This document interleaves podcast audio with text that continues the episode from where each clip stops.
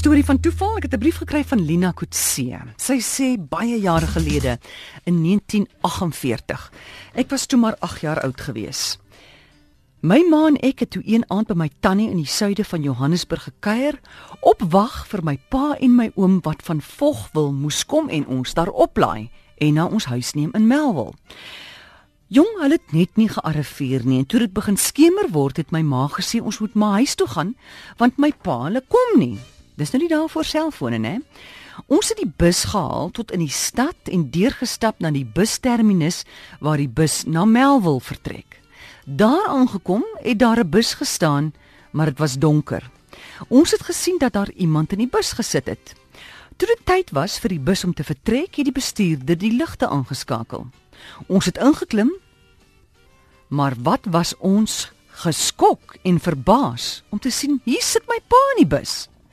Hy was baie getraumatiseerd en deurmekaar. Later het ons verneem dat toe my pa en oom op pad van Vogwel af was, het iemand by hulle verbygejaag en omdat dit 'n grondpad was, hulle onder die stof gegooi. My pa het beheer oor die motor verloor en by 'n bruggie afgery. Die motor omgekeer en bo op 'n klip te lande gekom van daardie de mekaarheid. Iemand het hulle gehelp en Johannesburg toe gebring.